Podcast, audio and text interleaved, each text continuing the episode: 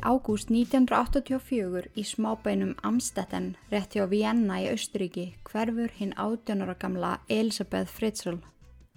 Það eina sem hún skilur eftir er stutt bref. Ég ákvaða að lifa lífinu eins og ég vil lifa því. Ég gekk til liðs við köllt. Ekki á að ágjöra mér. Ekki leita mér. Ég verði góðu lægi. Þetta var á síðasta sem fjölskytta hennar heyrði af henni.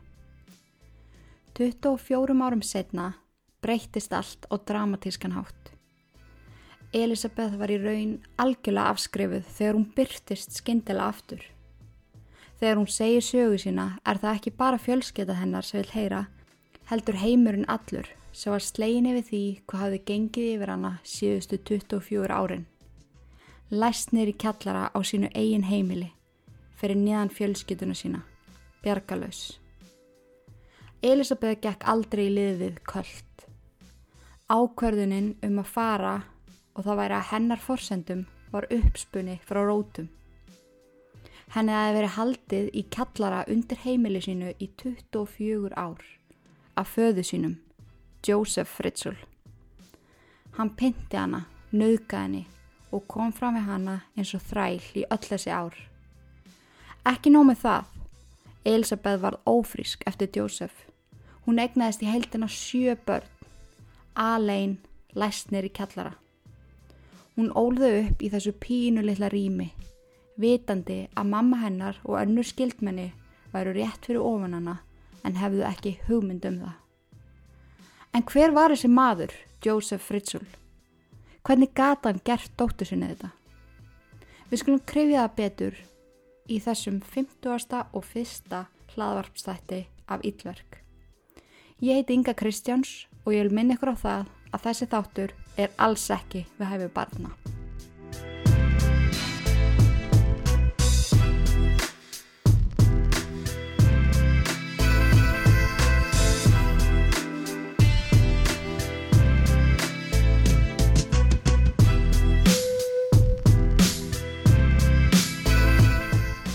Á ammælistæði minn 19. apríl 2008 ég held mér að ég hef verið að fermast þetta ár, er komið með unga stúlku á sjúkrahúsið í Amstetten.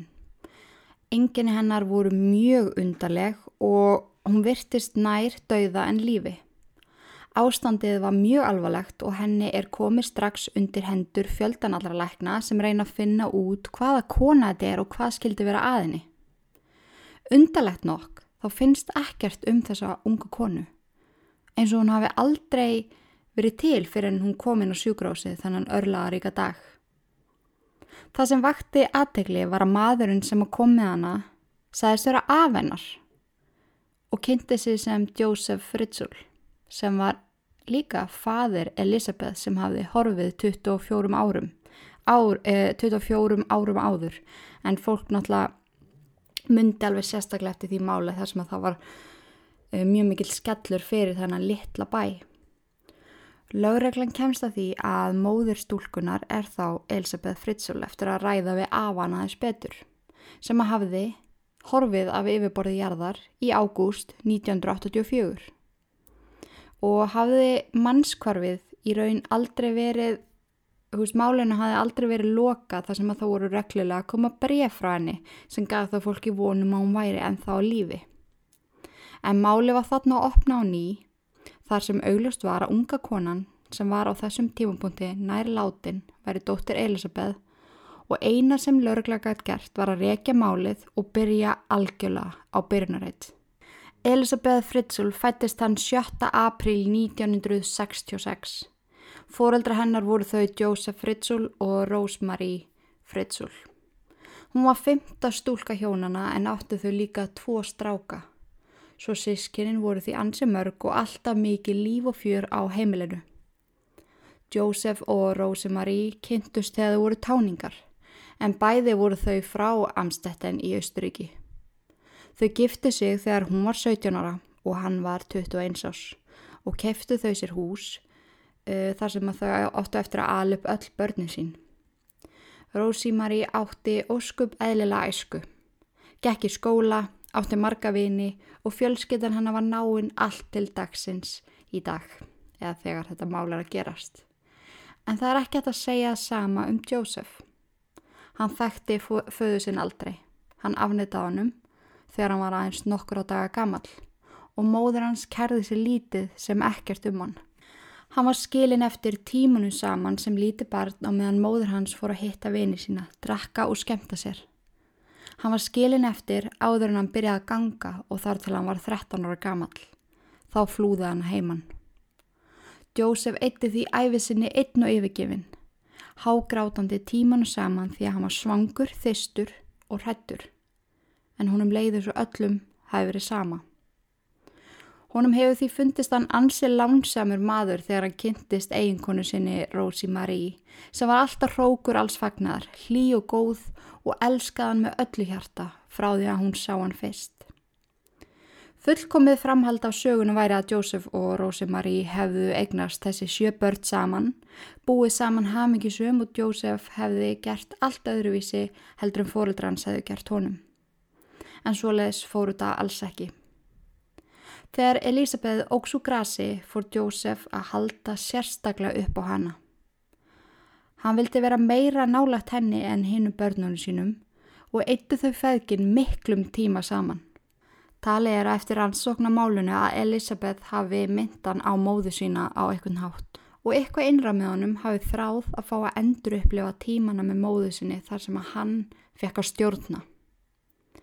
Þegar Elisabeth var 11 ára gömul misnótaði fadir hennar hana í fyrsta skipti.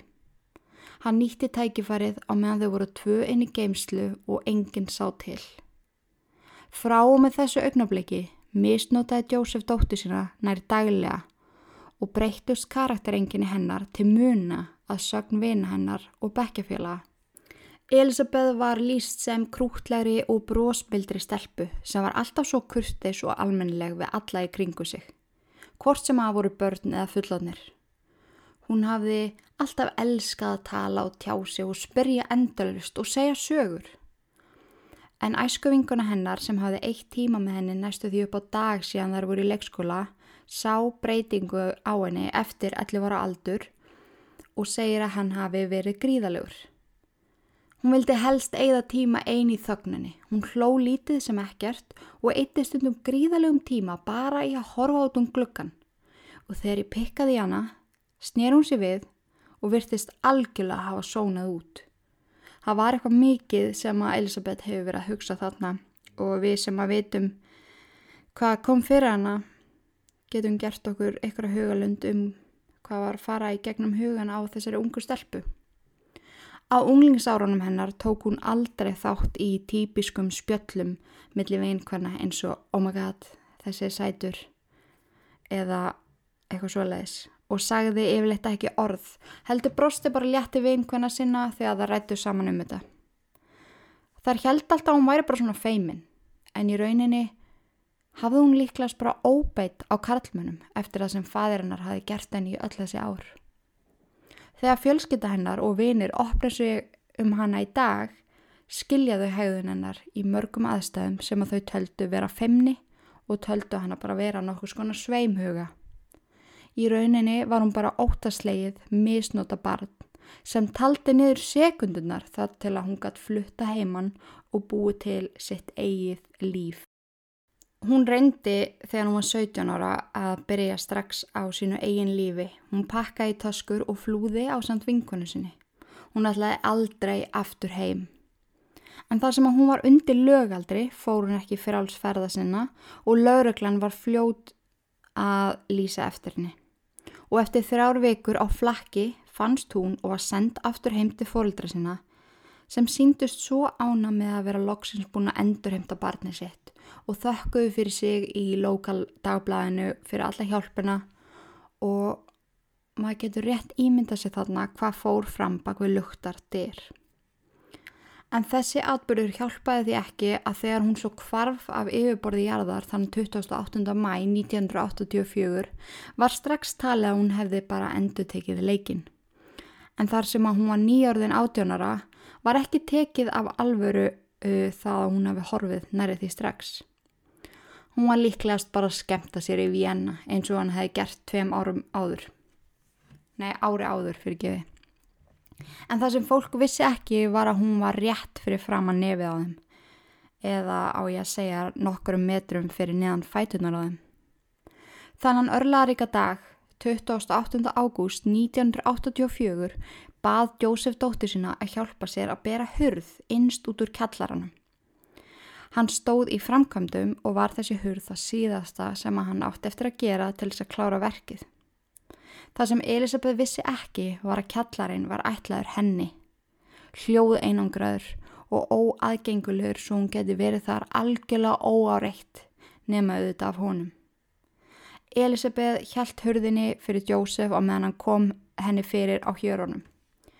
Hann hafi tilbúin gegndreipa klút af klóroform sem hann réðst svo á hana með þegar hurðin var orðin först á hjörunum. Hann hjælt klútnum yfir andlitin á henni þar til að hún leið út af. Þá dró hann líflausan líkama hennar inn í kellara og þar inn í litlu hljóð einangruði íbúðuna sem hann hefði búið til undir heimilegra. Þegar ekkert spurðist til Elisabeth fór Rósumari að óttast um dóttu sína. Hún hefði skilið eftir veski sitt sem innihjalt alla peningan hennar og persónu skilir ekki. Hún ringdi á laurugluna og síðan í fjölskyldumæðlimi sem byggu í nokkru fjarlað frá stratten. Eldri sýster hennar kom á samt manninu sínum og leituðu þau út um allt af henni alla nóttina og allan daginn eftir kvarfið. Ekkert bólað á henni og þegar mánuðu var svo liðin frá kvarfinu var mamminar orðin dofin úr sorg. Hún var varla búin að sofa svo vikum skipti. Hún var svo hryllilega hrættum barnið sitt. Jósef let eins og hann veri líka áhyggjufullur, svo ekkert kemist upp. En hann hafði alltaf verið hálf tilfinningalös náðungi eða virtist allavega að vera það svo fólki hans var vant í að hann væri kannski ekkit endilega í tárum yfir hlutum þótt að hann væri þögull og leiður. Vonarglæta og á sama tíma hamingja fórum líka maður Rósemarí þegar Fritzl fjölskyttan fekk bref inn í lúuna frá Elisabeth sem var ansi svipa því sem hún hefði sendt áður. Svo mamma hennar gati ekki annan störtlast og gleði yfir því að barnið hennar væri örugt. Í brefinu stóð að hún hefði verið þreytt á því að búa hana og henni hefði langað að búa sér til sitt eigi líf eins og hún búin að segja mömmu sinni margótt aður. Hún væri á vini sinum á góðum stað og sagði þeim að það væri engin ástæða fyrir þau að vera að leita af henni. Svo ef þau ætlaði að sigra lauruglun á henni eða vera með eitthvað vesen þá myndi hún bara fara úr landinu og fara ennþá, uh, í, ennþá lengra í burtu frá þeim. Joseph saði lauruglu að hann væri ansivissum að hún hefði gengið í lið við trúarsöfnuð eða kvöld eins og hún hefði hótað þeim í fyrraskiptið. Vinkonur Elisabeth tóku það ekki mála hún hefði gengið í lið við sértrúarsöfnuð. Það passaði bara enga veginn við hana og hennar lífstíl. Hún hefði verið alin upp á strönguheimili, hún fór aldrei út nema bara til að fara í skólan og þessum tíma var internet á heimilum veist, það var ekki internet á heimilum og fólk gæti ekki verið að fletta upp alls konar upplýsingu. Þannig að vinkonum hennar fannst ekki á neittnátt make a sense að hún vissi það mikið um einhvern kvöld að hún myndi svo bara fara. Og þeir sem þekkt hana best átt að vita það að þannig virkaði þetta bara ekki. Og stóðu ótrúlega fastir á sínu sem gerði það verkum að laurugla lokaði ekki málinu sem er ótrúlega gott og það var haldið áfram að skoða öll þau gögn sem til voru. Rannsóknin byrjaði á einstaring eins og er alltaf gert sem var náttúrulega fjölskyttanennar en á þessum tímapunkti átti hún sexiskinni og fóreldra hennar höfðu verið gift í 20 ár. Rósimarí var heimavinandi móður sem hafði unin á því að baka, prjóna, sauma út og skapa með höndunum og henni var líst sem indisleiri konu sem var reyðu búin að gera allt fyrir börni sín og manni sinn. Hún var alltaf til staðar þegar krakkarnir komið heim úr skólanum, búin að útbúa andaðum hlaðborða kræsingum. Það var því ansi vinnselt að krakkar úr skólanum fengi að koma heim með fritsulkrökkunum þar e, því að það var alltaf til svo ótrúlega góðu matur þar og nóg til að nastla. Jósef var lærður afvirki en hafði verið í fastegna bransanum síðustu ár. Hann hafði skapað sér virkilega gott orð sem fastegnasali og var fjölskyldan að hala einn ágætisteikum. Jósef var virtur í litla samfélaginu sem Amstetten var og þegar hann gekk með fjölskyldurinn sinni niður í miðbæ þá heilsu honum allir. Hann þekkti alla í bankanum, á sjúkarósinu, á lauruglustöðinni og í maturuvesluninni. Hann var þögultýpa og aldrei neitt sérstatt vesin á honum. Í augum almennings voru Fritzl hjónin algjörlega til fyrirmyndar og börnin þeirra sjö hver öðru prúðara. En baku luktar dyr var þessi almennilegi maður ekkert svo almennilegur. Hann var anstíkilegur.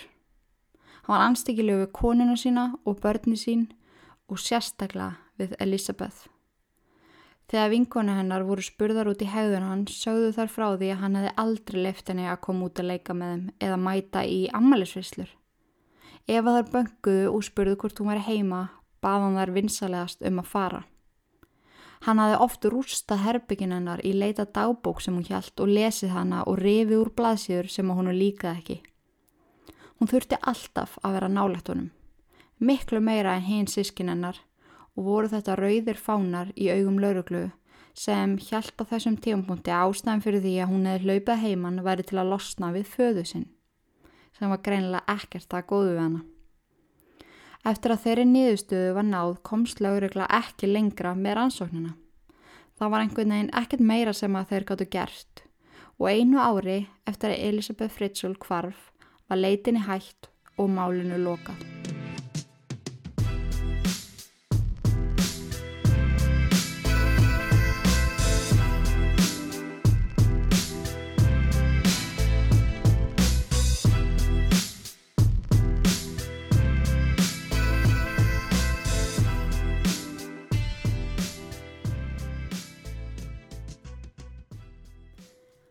24 ár var Elisabeth læst inn í hljóð ein, einangraðri kallara íbúð undir heimili fjölskytunar. Joseph hafði borið þessa hugmynd lengi í huga sínum um að króa dótti svona af og nota hana sem kynlífstræl. En hann hafði einnig díla lengi við mikla kynlífsfíkn. Um, mér finnst samt orði fíkn bara ekki nógu gróf og mér finnst það bara allt og vægt til orðatekið en hann segir setna meir og þessi, þetta kvót fylgir hún svolítið að hann hafi verið fættur til að nöðka. En hann hafi setið inn í nokkrum árum áður en Elisabeth kvarf fyrir það að elda konu heimti sín sem hann rakst á út á götu og, og nöðka henni. Og eiginkona hans, Rósemarí, let hennan atbyrð sem vindum eiru þjóta og tók við Jósef um leiðu hann losna á fangilsi en sumi telja að hún hefði verið hrætt við að vera einn með sjö börn og teldi sér ekki geta það. En hann ákvaði eftir fangilsisvistina að þetta væri eitthvað sem hann þurfti að gera og let sér dreyma um þá stund að Elisabeth væri hans og hann gæti átt hana einn og gæti gert allt sem honum langaði og þráði við hana. En það tók hann heil sex ár að fullkomna dýflisuna sem að Elisabeth átti að vera í og þarna þannan örlaðaríka dag var áallunaverkinu náð. Þegar Elisabeth vaknar á köldu steipugólfinu, handjárnu og hrætt, stendur yfir henni kunnulegu maður. Hann heldur á matabakka og réttir henni án þess að segja orð. Þegar hún laug sér af, nöðgaði henni og fór og skildi hann eftir í 12 klukkutíma aðleina. Og svona gekkar út hinn hann fyrstu fimm árin. Hún fekk mat, Joseph nöðgaði henni og fór í aðra 12 klukkutíma. Þegar hún hafi dúsað þarna í 5 ár og var orðin 23 ára gömul var hún ófrísk.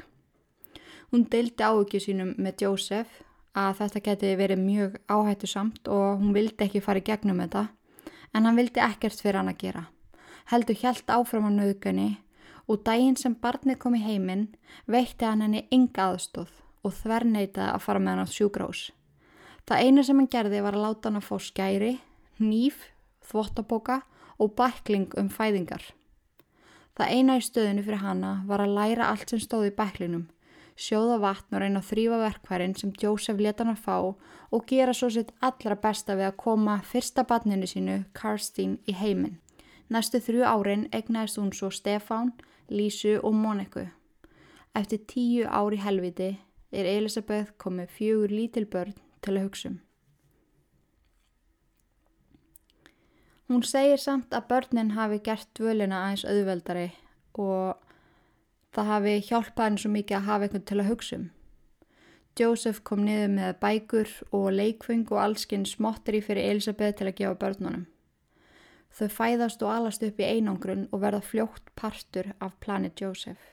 Því fleiri börn sem kom í heiminn, því meiri völd hafi hann.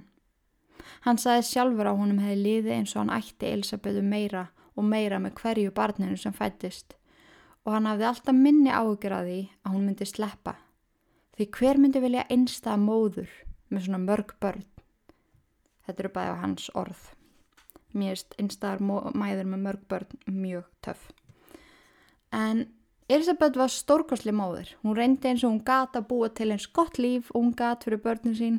Hún kendi þeim að lesa, hún kendi þeim að skrifa, hún krafðist fleiri og fleiri hluta frá Jósef sem hún get, hún geti gert lífið þeirra betra. Ótrúlegt hann satt, satt, þá hlýtti hann flest öllu sem að hún sagði og kom niður með fleiri leikfung, meira lesefni og meira sér sjóarp fyrir börnin að horfa á. Hann kom meira sér niður með snjó eitt daginn svo þau getur sé hvernig snjór lítur út. Á jólunum koma niður með jólatri og allir fengu ammaliðskjafir á ammalastöðunu sinum. Elisabeth neytaði að leifa börnunum að sjá þegar, þegar Jósef nöðgaði henni en hún fekk litlu um það ráðið en hún reyndi að skipa þeim út í eitt hort kjallarhans en þau vissu að væri, það væri betra fyrir þau að, að hérna, fylgja þessari skipun. En Elisabeth leiði Jósef að klára sig af, kom svo fram eins og ekki til það í skorist og hjælt áfram að vera þessi hlýja móður sem hún reyndi að vera. En árið 1996 verður Elisabeth aftur ófrísk og nýju mánuðum setna eignast hún tvýbura. Jósef neytaði að hjálpa henni og þurfti hún að fá aðstóð frá eldstu börnunu sínum á meðan hinn horðu á döðrætt og skildu ekkert hvað var í gangi. Fæðingin tók heilan sólaring og gekk alveg hræðila. Sársökin var svo mikill að Elisabeth var vissum að þetta væri hennar síðasta. Tvíburar kom svo í heiminn og var annar þeirra, Michael, það máttvana og ólíkur uh, tvíbura sýstusni að Elisabeth grátt beður Jósef um að fara með hann á sjúgrás því að hún veit ekki hvað hann á að gera, það er eitthvað alveglegt á honum en hann tekur það ekki mál og þrem dögum eftir að týpurnu kom í heiminn deyr Michael og Elisabeth þarf að horfa upp á litla barni sitt deyja í hendunum á henni. Og en það er nefnilega svo ótrúlega líka eftir að hekja þá er, eru fullt af læknar sem hann alltaf skoðuðu þetta mál og segja að ef hann hefði komist undir læknishendur þá hefði verið 100% að hann hefði lifað af sem er svo ræðilegt að hugsa til En eftir að Elisabeth hafi grátið úr sér augun með litla barninsitt í fanginu kom Jósef og tók það af henni. Hann losaði sér við líkið í sagt, uh, svona opni sem hann notaður til að hita upp hús uh, á þessum tíma. Hann gerði það þegar eiginkonarnas og börnin voru ekki heima. En Jósef fór svo að hugsa út í uh, hvernig það getur farið með planið hans ef að krakkanir þú veist, myndu læra að tala, þú veist, hvernig myndu þú veist, gæti það komið þeim í klípu. Þannig hann bráði þá ráð að áður en að börnin hennar Elisabeth byrjaði að tala þá ætlaði hann að reyna að losa sig við þau. Þannig að þegar Lísa litla var orðið nýjum mánuða og kannski mesta, ég veit ekki alveg nýjum mánuða börn segja þau ekki bara mamma eða eitthvað. Tengi ekki alveg á ekki börn, ég á bara hund. Hún já, whatever. En já, þegar hún var nýju mánuða þá tók Jósef hana frá móðu sinni og Elisabeth gráðba hann að taka hann ekki en hann vissi að íbúin væri bara orðin ofull og þetta væri allt og mikill séns og hann yrði að gera eitthvað í þessu. En Elisabeth var vissum að myndi láta hann að hverfa eins og hann gerði mikil en Jósef, Jósef saði hann að hafa engar ágjur og tók litla barni frá henni Hann setti barnið á hann í pappakassa og let kassan fyrir fram hann hurðina á sínu eigin heimili. Rósmarí og sýstrinnar sátu við eldusborðið og spjöldluðu saman þegar þar heyrðu barskrátur. Það letu undrandi á hver aðra og gengu í áttina að grátunum. Þegar þar komu auða á kassan áttu þær ekki til orð þegar þar fundu lítið unga barn ofan í honum og brefsnifsi og var brefið frá Elisabeth sem gráð báð fólkdari sína um að hugsa um barnið sem að hún hefði skýrt lísu. Það væri ennu aftur engin tilgangur að leita af henni og þau ættu alls ekkert að vera spá í henni. Móður hennar þekkti handskriftina. Handwriting, handskrift. Og maður gæti að þetta átti um mér hvernig maður segir þetta, handskrift. Æ, þið veitir hvað við.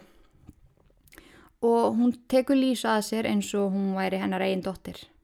Sama áttu svo eftir að gerast við Móniku og Alexander. Kassi, bref og engar útskýringar. Joseph og Rosemary ætluðu börnin og ólu þau upp. En Joseph taldi þetta vera bestu leina. Koma börnunum sem kunni ekki tala í burtu svo þau getu aldrei sagt frá. Hann sagði Elisabeth svo frá því að hann hefði farað með börninu upp og fengu börnin nokkuð eðlilegt líf eftir að þau voru frelsuð úr kjallaranum. Þau fengi allan að umgangast önnu börn og fara í skóla á svona. En niðri voru enþá þrjú börn til viðbótar á samt Elisabetu sem þurfti að dúsa þarna niðri. Það huggaði samt Elisabetu að mammanar passaði upp á þau en innsteinni ótaðist hún að þau fengi sömu meðferð og hún hefði fengið þegar hún var barn. Hvað hjálpaði Maja? Þegar elsta barn Elisabeth var 19 ára gömul varð hún alveg hræðilega veik og Elisabeth hafði reynd allt sem hún mögulega gatt og hún grátt byður Jósef um að fara með hana á sjúkrahús. Hún ótaðist með öllu hjarta að hún væri í alveg bara að fara að deyja. Jósef þarna sér fyrir sér massa vesen ef að stelpan myndi deyja og hann þurft að koma fullu vöxnum líkama út úr kjallaranum og hann fælst því á það að fara með hann upp á sjúkrás. Fyrsta barnið sem að Elisabeth egnaðist með föðu sínum átti eftir að binda enda á 24 ára helvíti. Þessi lífshættilegu veikindi voru lán í óláni í rauninni. Eftir viku grátböður Elisabeth um að fá að fara til hennar. Þar hefðu verið hann saman í 19 ár og hún var algjörlega viðhorslaus án hennar. Og af ykkur ástæði þá lætur Jósef undan og keiri með henn á sjúkráðsið. Stefán og Felix eru skildir eftir einir í kjallaranum. Ok, en ef við stöldrum aðeins við hérna, þá kemur það ekki alveg fram, uh, allavega ekki það sem að ég var að leita minn heimilda um málið, er af hverju hann tekur þessa ákvörðun og ég er búin að vera að velta þessu svona fyrir mér. Þá hlýtur þetta að vera eitthvað svona í kollinum á honum bara eitthvað, ok, ég get eitthvað en ekki láta þetta virka, hú veist, hvað er að besta fyrir mér í stöðinu að gera? Hú veist, hann byrjar á því að fara sjálfu með hana og þegar læknar spyrja hann hver hann er og hann kynni sig undir réttu nafni og segir þetta sé badnabadni hans, samt er ekki til neyn um, skrá ú Ó, ég held að ég var að degja þannig smá en allavega þá er ekki til neyn lækna skrá menn að þú veist það er, ekki, það er bara eins og þetta barn hafi aldrei verið til. Og hann svarar hann einn stutt og nýtt með þar og hægt er og er svona hálf flótalegur hann er bústala mjög flótalegur þar sem að það er líklegast að renna upp fyrir honum að plani hann sé að falla um sjálf sig. En já, ég held að hann hafi líklegast þarna gert sig grein fyrir því að það er þið gengi á hann, það er þið leitað og það er þið reynd að krifja það hvar dóttur hans sé. Og ætla hann hafi ekki þarna verið farin að taka kannski kærileysir ákvarðinir út af því að hann var skítrættur og allir viðbjörðun sem hann hafi gert síðastlegin ár var að fara að býta hann í raskati. En svo þegar hann leifir henni, Elisabeth, að fara að hitta dóttur sinna á sjúkarásinu mér finnst bara einhvern veginn svo ótrúlega áhugavert hvernig þetta, hvernig þetta endar veist, eftir allan þennan tíma veist, 24 ár í kallaranum undir heimilirðinu. Að þetta endi einhvern veginn svona þetta endaði og veist, þetta tók bara nokkra daga að svona flettast ofan af þessu öllu. Mér finnst það mjög interesting. En já, ég held að hann hafi að einstinni verið búin að ákveða að nú setja búið og hann ætla ekki og, veist og hann, húst, hann vissi bara sama hvað myndi reyna þá myndi hann alltaf vera að fara í fangelsi, það væri bara þannig. En þegar að lauruglan kemur inn í málið tekur það Elisabeth 5 klukkutíma að meika það að tala. Hún var bara svona já, já, húst, hún var bara í stanslausu ströggli í huganum um hvað hún ætti að gera. Hún bara, hún gæti einhvern veginn ekki hugsa sér. Uh, henni fannst hún einhvern veginn bera ábyrð á föðu sínum, henni fannst hún ekki eiga að rétta því að grafa undan honum. Og hann hafi nú einu svona fættana og klættana og börnin hann er í öll þessi ár. Og, og svona hugsanir voru actually að fara í gegnum hugan hann bara já hann var svo góður. Að hann kom hann niður með snjó lalalala og var að hugsa um allt þetta góða. Kannist þið við þessa hugsun? Ángríns þegar maður er að réttlega þetta eitthvað fyrir sér í huganum og maður einblið með bara á það góða. Það er alveg magnað. Og það er eitt þetta kannski tengist ekki alveg en þetta er svona svolítið áhugaverð pæling sem ég var að hugsa um áðan að þegar maður er að taka erfiðar ákvarðanir, segjum bara að maður sé að hætti í sambandi, þetta er bæðið á algjör út út úr bara því að vara að pæla í sáðan.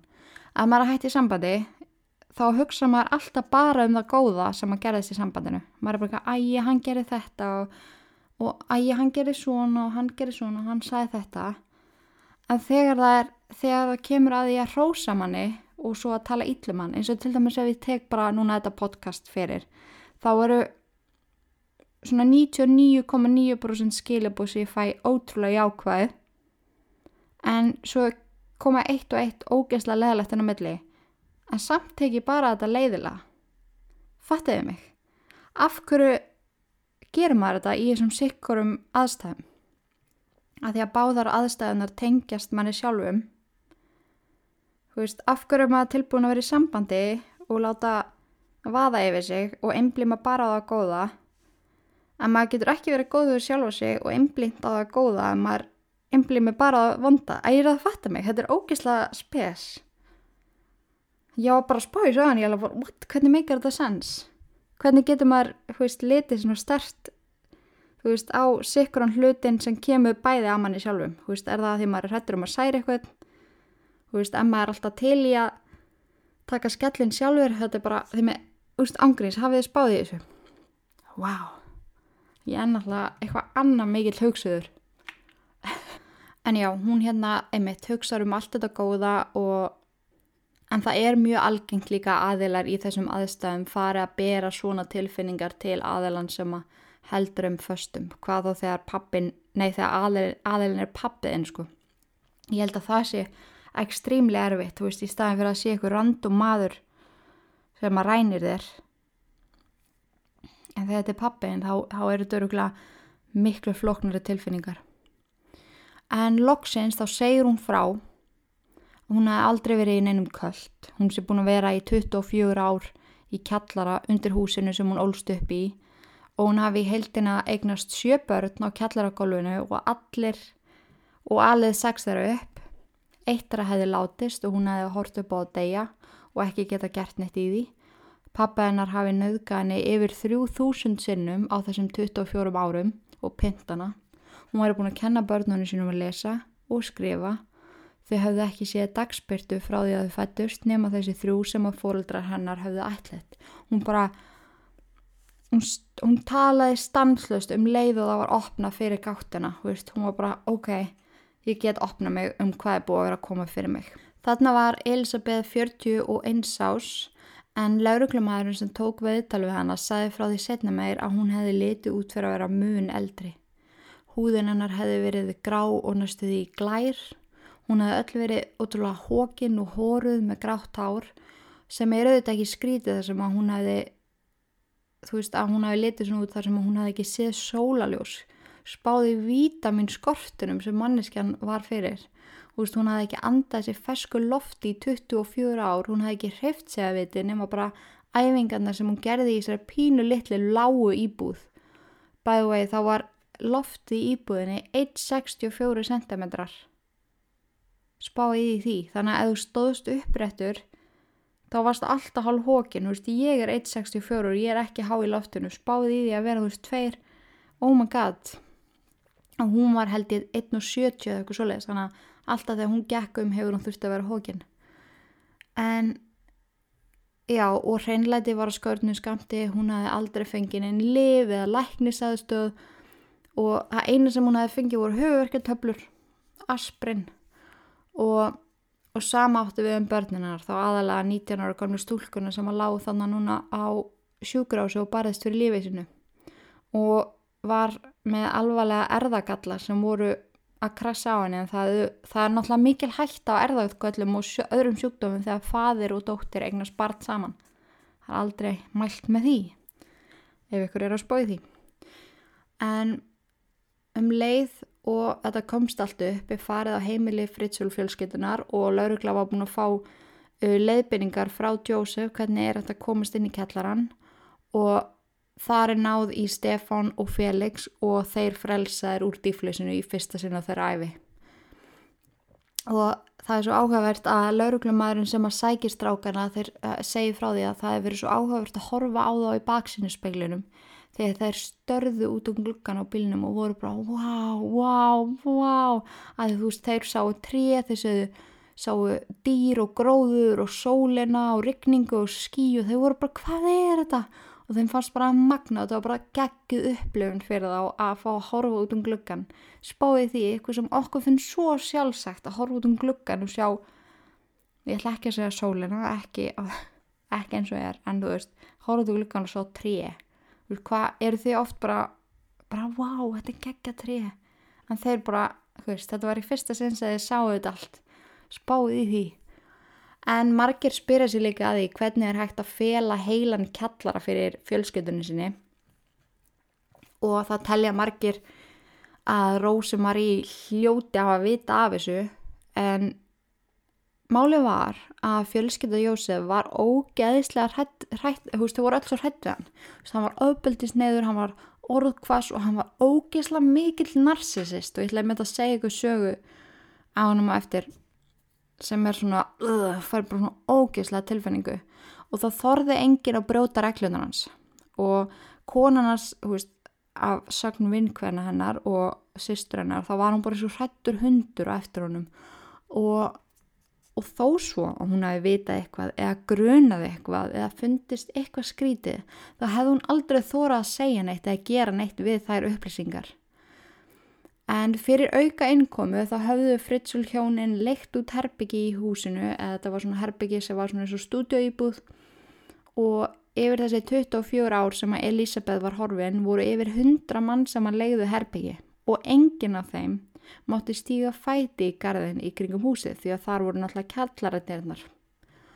Og Jósef náði að halda þessum reglum í öll þessi ár og þeir sem leiðu hjá hann voru í sjokki þegar þeir komist það í hvað hefði verið rétt undir þeim allan annan tíma en þeir sögðu líka frá því bara það er ekki séns að við þurfa að fara í garðin því að bara okkur langaði ekki að mæta þessum gaur eða lendi ykkur um yllunda við þessu gaur hann hefði sko hann hefði öruglega lamið mann, veist, hann var bara rosalega mikill narsisist og fólk var skítrætt við hann.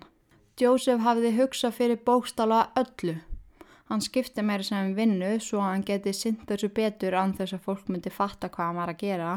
Þannig að hann hætti í 9-5 vinnunni sem rafvirki og opnaði sitt eigi fyrirtæki þar sem að hann var að selja fastegnir og hann vildi með því að gera þetta geta stjórn á vinnutímanu sjálfur og þannig gæti hann eitt tíma niður hjá Elisabeth þegar að konan og svo börnum voru ekki heima. En hann keirði svo líka marga kílometra í burtu frá bænum til þess að henda rustli úr íbúðinu sem Elisabeth bjó í og kefti aldrei matin á sama stað þannig að hann var kannski að fara þrjá meðsmjöndi staði til að kaupi matin húst fyrir íbúðina niðri og svo bara fjölskytuna sína uppi.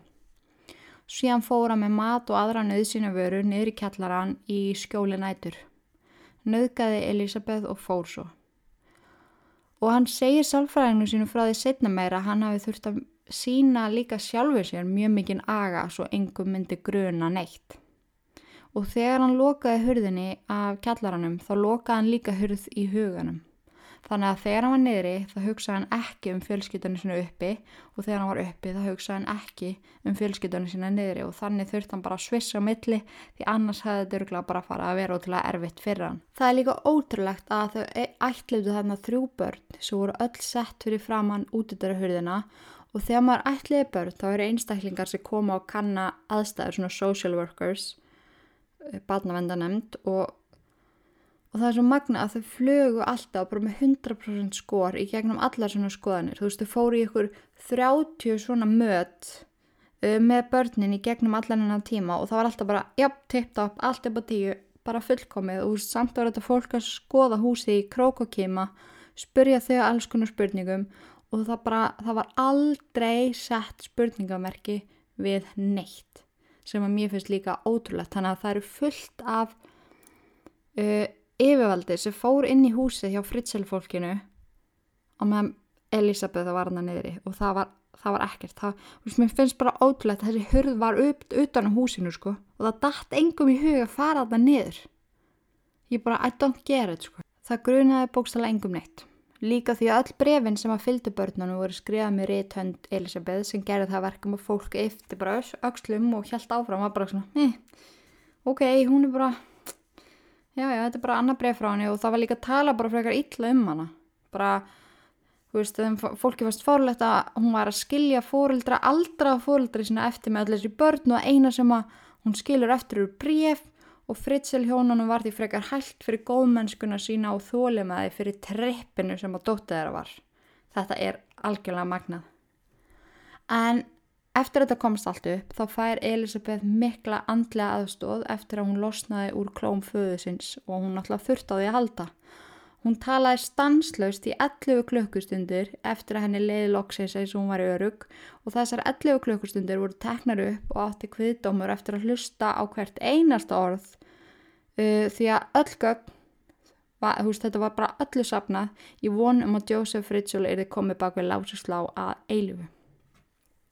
En ég er að fatta núna að ég er búin að vera með svo mikla munræpu að ég er ekki búin að taka mig pásu til að við getum hlusta á nokkur orð frá styrþaraðala þáttarins sem er að sko alls ekki vera endanum í þetta skipti og við skulum heyra það og spjalla svo aðeins um yfirherslu Jósef þegar við komum til baka.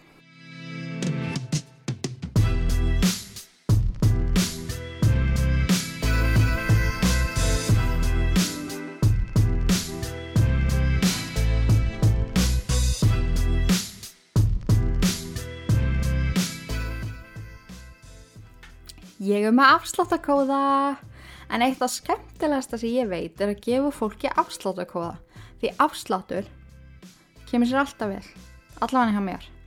En með kóðanum íllverk20 þá færðu 20% afslátt af öllu inn á lindex.is og líka ef þú sýnir á kassanum í versluninni sem þú ákveður að fara í að þú hlustir á íllverk.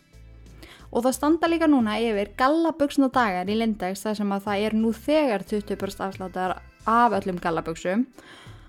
Í mæli baðum við með típunni Klara, það eru geðveikar, gera rassin á manni ansi klæsilegan og eru einnig jafnþægilar og leggings. En hvernig væri til dæmis að fara og fá sér gallabugsur á 20% afslátti og kannski peysu líka í leiðinni, svona fyrst þú ert að þessu. En hvort þeir vantar barnafödd, undifödd, skirtur eða sokka þá getur þú notað kóðan ílverk 20 verið 20% afslátt af öllu inn á lindex.is og í öllum lindex verslunum með því að sína og þú hlustur á þáttinu að þið finnst það vandralegt sendu mig það bara skilabóð og við finnum eitthvað út úr þessu. Það er nefnilega sumir sem var kannski þúra ekki út í það að vera eitthvað hei ég hlusta á ílverk en þið getur bara sínt logoið og stelpunar eða strákanir á kassanum við það Ílverk og lindex álíka góð blanda og malt og appelsín. Ok, ég gekk vel andan ok, uh, allan að njótið, kóðans ok, bye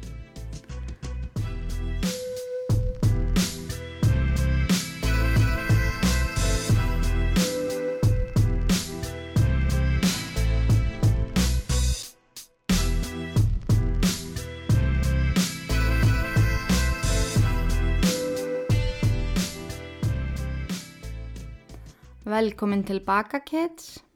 En núna skulum við aðeins ræða það hvað Jósef sagði við þá sem að yfirheyrðu hann. En það voru fullt af sálfræðingum og geðlæknum og bara alls konar fólki sem að lögðu mikla vinnu í að fá hann til að opna sig uh, og líka bara til að svona, reyna að skilja hvernig, hús, hver Jósef var. En hann held í fram að hann hefði verið að gera gott með öllu þessu. Þú veist, ekki beint gott. Æði skilja þetta betur þegar ég ræði um hvernig hann er en hann flakkaði rúslega mikið á milli þess að skilja hvað var ránt en vera samt að reyna að gera eitthvað gott. En hann var í raun að bjarga Elisabeth frá heiminum. Hún var í orðin úlingur, hann hafði ekki lengur eins miklu stjórnaðani uh, og hann hafði haft alltaf og hann var bara hrættur um að missa hana. Hann hafði alltaf elskað hana alveg sérstaklega og gati einhvern veginn ekki hugsað sér að hún fyndi sér til dæmis mann og myndi flytja í burtu og hann myndi kannski sjá hana einu svona ári. Hann gæti bara ekki hugsað sér það og það er svona ákvæðan að gera þetta. En hann segir líka að hann hefði alltaf gert sér grein fyrir því að það sem hann var að gera væri ránt. Hann vildi líka tala, taka það fram að hann hefði oft verið góðu við hana. Sjáu þið hvernig hann fer fram og tilbaka. Hún, veist, hann kom með blómhandinni, hann bauði henn upp á góðar moltir stundum, kom í gafir og svo leikfenganda börnunum, horfið með þeim á bíómyndir og þannig náði hann að friða samverskuna. Hann var stundum góðu pappi og afi en á milli, segir hann. Hann viðurkennir að hafa orðið mjög kynferðislega örfaður og það hafa hann mist stjórn á sér. Skipað Elisabeth að horfa á klámvídeó sem að gerða hann spenntan og beði hann að svo um að framkoma nákvæmlega sama, nákvæmlega sama með sér. Hann vildi að börnin horfðu á svo hún myndi gera það sem hann sagði. Hann vildi niðurlægjana og því, því þá fannst honum hann hafa 100% stjórn á aðstáðunum. En þess að milli sem hann gerði þetta var hann góða maður og ekki þetta skrimsli sem að fjölmiðlar sagði hann vera. Og mér finnst þetta ótrúlega áhugaverð frásögn. Hvað hann flakkar fram og tilbaka og býðið þangu til að segja ykkur, þangu til að hann talar um æskunni sína, þá sjáu þið líka þetta flakk frá því að skilja hvað er rétt og skilja ekki hvað er rétt. En þegar hann var spurður út í æskunni sína í mitt en skrifaði hér, flakkar hann fram og tilbaka með söguna. Og það er líka nefnilega svolítið ég reyna að nota orði áhugavert ekki svona ógeðslega mikið en jú það er áhugavert að Ted Bundy gerir þetta líka þegar hann er yfirherslu og damer en Joseph ólst upp með móðusinni og fyrst segir hann að hún hafi verið bestakonni heimi og síðan var hún hóra sem var barðan síðan var hún mjög góð fóreldri sem kend hún á margt. Svo gaf hún honum enga ást og enga umhyggju. Svo var hún kvennskurungur en svo var hann bara hennar alibi child eins og hann kallar þetta. Og það sem hann meina með því er að með því að geta sagst eiga barn hafi hún losnið af alls konar skildur og skatta. Og hann var alls ekki vissum hvernig áhrif uppeldið hafiði á hann. En salfræðingar sem hafi unni með honum telja að móður hans hafi skil eftir djúft ör sem hafi áhrif á allt sem átti eftir að gerast í lífi Jósef. En 13. november 2008 var Joseph Fritzl dæmdur í ævilangt fangelsi fyrir morð, mannrám, sifjarspell og þrældum. Þegar dómur hans var hveðin leitan yfir salin. Hún er langað að sjá Elisabeth í síðasta skipti. En síðan, en síðan hún slapp hefur hún aldrei síðan aftur, bara framann á dagblöðum. Elisabeth sleitt öllum samskiptum við restina af fjölskyldunni og fluttu í burtu með börni sín sem að hún elskar meira en lífi sjálft. Börnin þrjú sem að Rósemari ætleti heldu áfram að vera þar en voru samt í sambandi við með móðu sína. En elsta dóttir Elisabeth og strákanir hennar tveir fóru með henni. Þau tóku upp nýnöfn, hún breytti útliti sínu og ég bæði að við búin að vera bara viðhórslaus að reyna að finna ykkur að myndafinni en það er bara til myndafinni þegar hún er krakkið þannig að og það er ángurs ekki séns þannig að ég vonaði að fá að lifa bara friðsela lífi í, í friði. En það fylgir fjölskyldinu auðvitað mjög mikil vinna en börnin þurfa alveg ekstra mikil stuðning eftir að þau lausnuðu út og þú veist þau voru bara það traumatæst að venjulegi dagar og hlutir voru algjör horror fyrir þeim. Eins og til dæmis Kerstin, elsta dóttir Elisabeth, reyf heilu lokkana úr hársverðunum á sér og klifti af sér fötinn ef þau voru ofþraung, hún fekk bara svona innilókun og Stefan sem var 173 cm þegar hann bjó ennþá í kjallaranum var orðin svo vanur því að beigja sig þegar hann gekk um að hann átti erfitt með gang þegar hann loksins gæti rétt úr sér. Þannig að þú veist eins og ég sagði á hann veist, lofti var bara 1,64 og hann var 1,73 þannig að hann var alltaf að bóra og svo þegar hann alltaf stegi út gæti rétt úr sér, hann átti bara ótrúlega erfitt með að vennjast í eftir að verið þannig í mörg ár. En börnin átti líka öll mjög erfitt með of mikla dagspyrtu þannig að þú veist þau, það hafaði aldrei verið glukkar náttúrulega á þessar íbúð, þetta var í fyrsta sinns að þau komist út. En þau voru á sama tíma mjög myrkvælinn og ef þau gengu fram hjá dimmu herbyggi eða þegar ljósin voru slögt á nóttu til, fengu þau ræðileg, bara svona ræðislu köst, bara svona panic attacks en restina börnunum sem ólust upp á efrihæðinu þurftu öll að fá hjálp við uh, bara svona reyðistjórnun þau gátt ekki stjórnu tilfinningar sínum. Og reyðin var svo ótrúlega mikil og þau öskruð á fólk og byttið á auðbaldi þannig að þetta var ótrúlega mikil vinna framöndan með tímanum fór samt að ganga betur og Elisabeth fór að sjá fram á eðlilegt líf með börnunum sínum. Þar til eitt daginn. Það var ljósmyndari sem að eldi hana heima dyrum og tók myndrafinu og lett byrta þér. þessar myndir eru til, það er búið að blörra andliti á henni en hún fekk mental breakdown uh, þegar hún lendi í þessu. Hún var lögðin og gæðspítala og hún var svo hrættum að pappina myndi finna hana og hún fekk bara svona, hún bara fríkaði út og það tók hann útrúlega langan tíma að jafna sig eftir þetta atvik. En svo fór allt að ganga betur aftur. Elisabeth kynntist manni sem að hún er enþá með í dag sem að starfa sem bodyguard Börnin eru farin að eiga eðlilegt sískinarsamband og er öll fjölskyldan uh, bara í stanslausri sjálfsvinnu og þau þurfa að minna hvort annað á það dæla hversu heppin þau voru að sleppa. En blessunin hún Rosie Marie fór á elli heimili eftir að börnin voru öll uppkomin og hefur aldrei náð sér aftur á strek og hefur bara aldrei náð heilsunni, geðheilsunni aftur.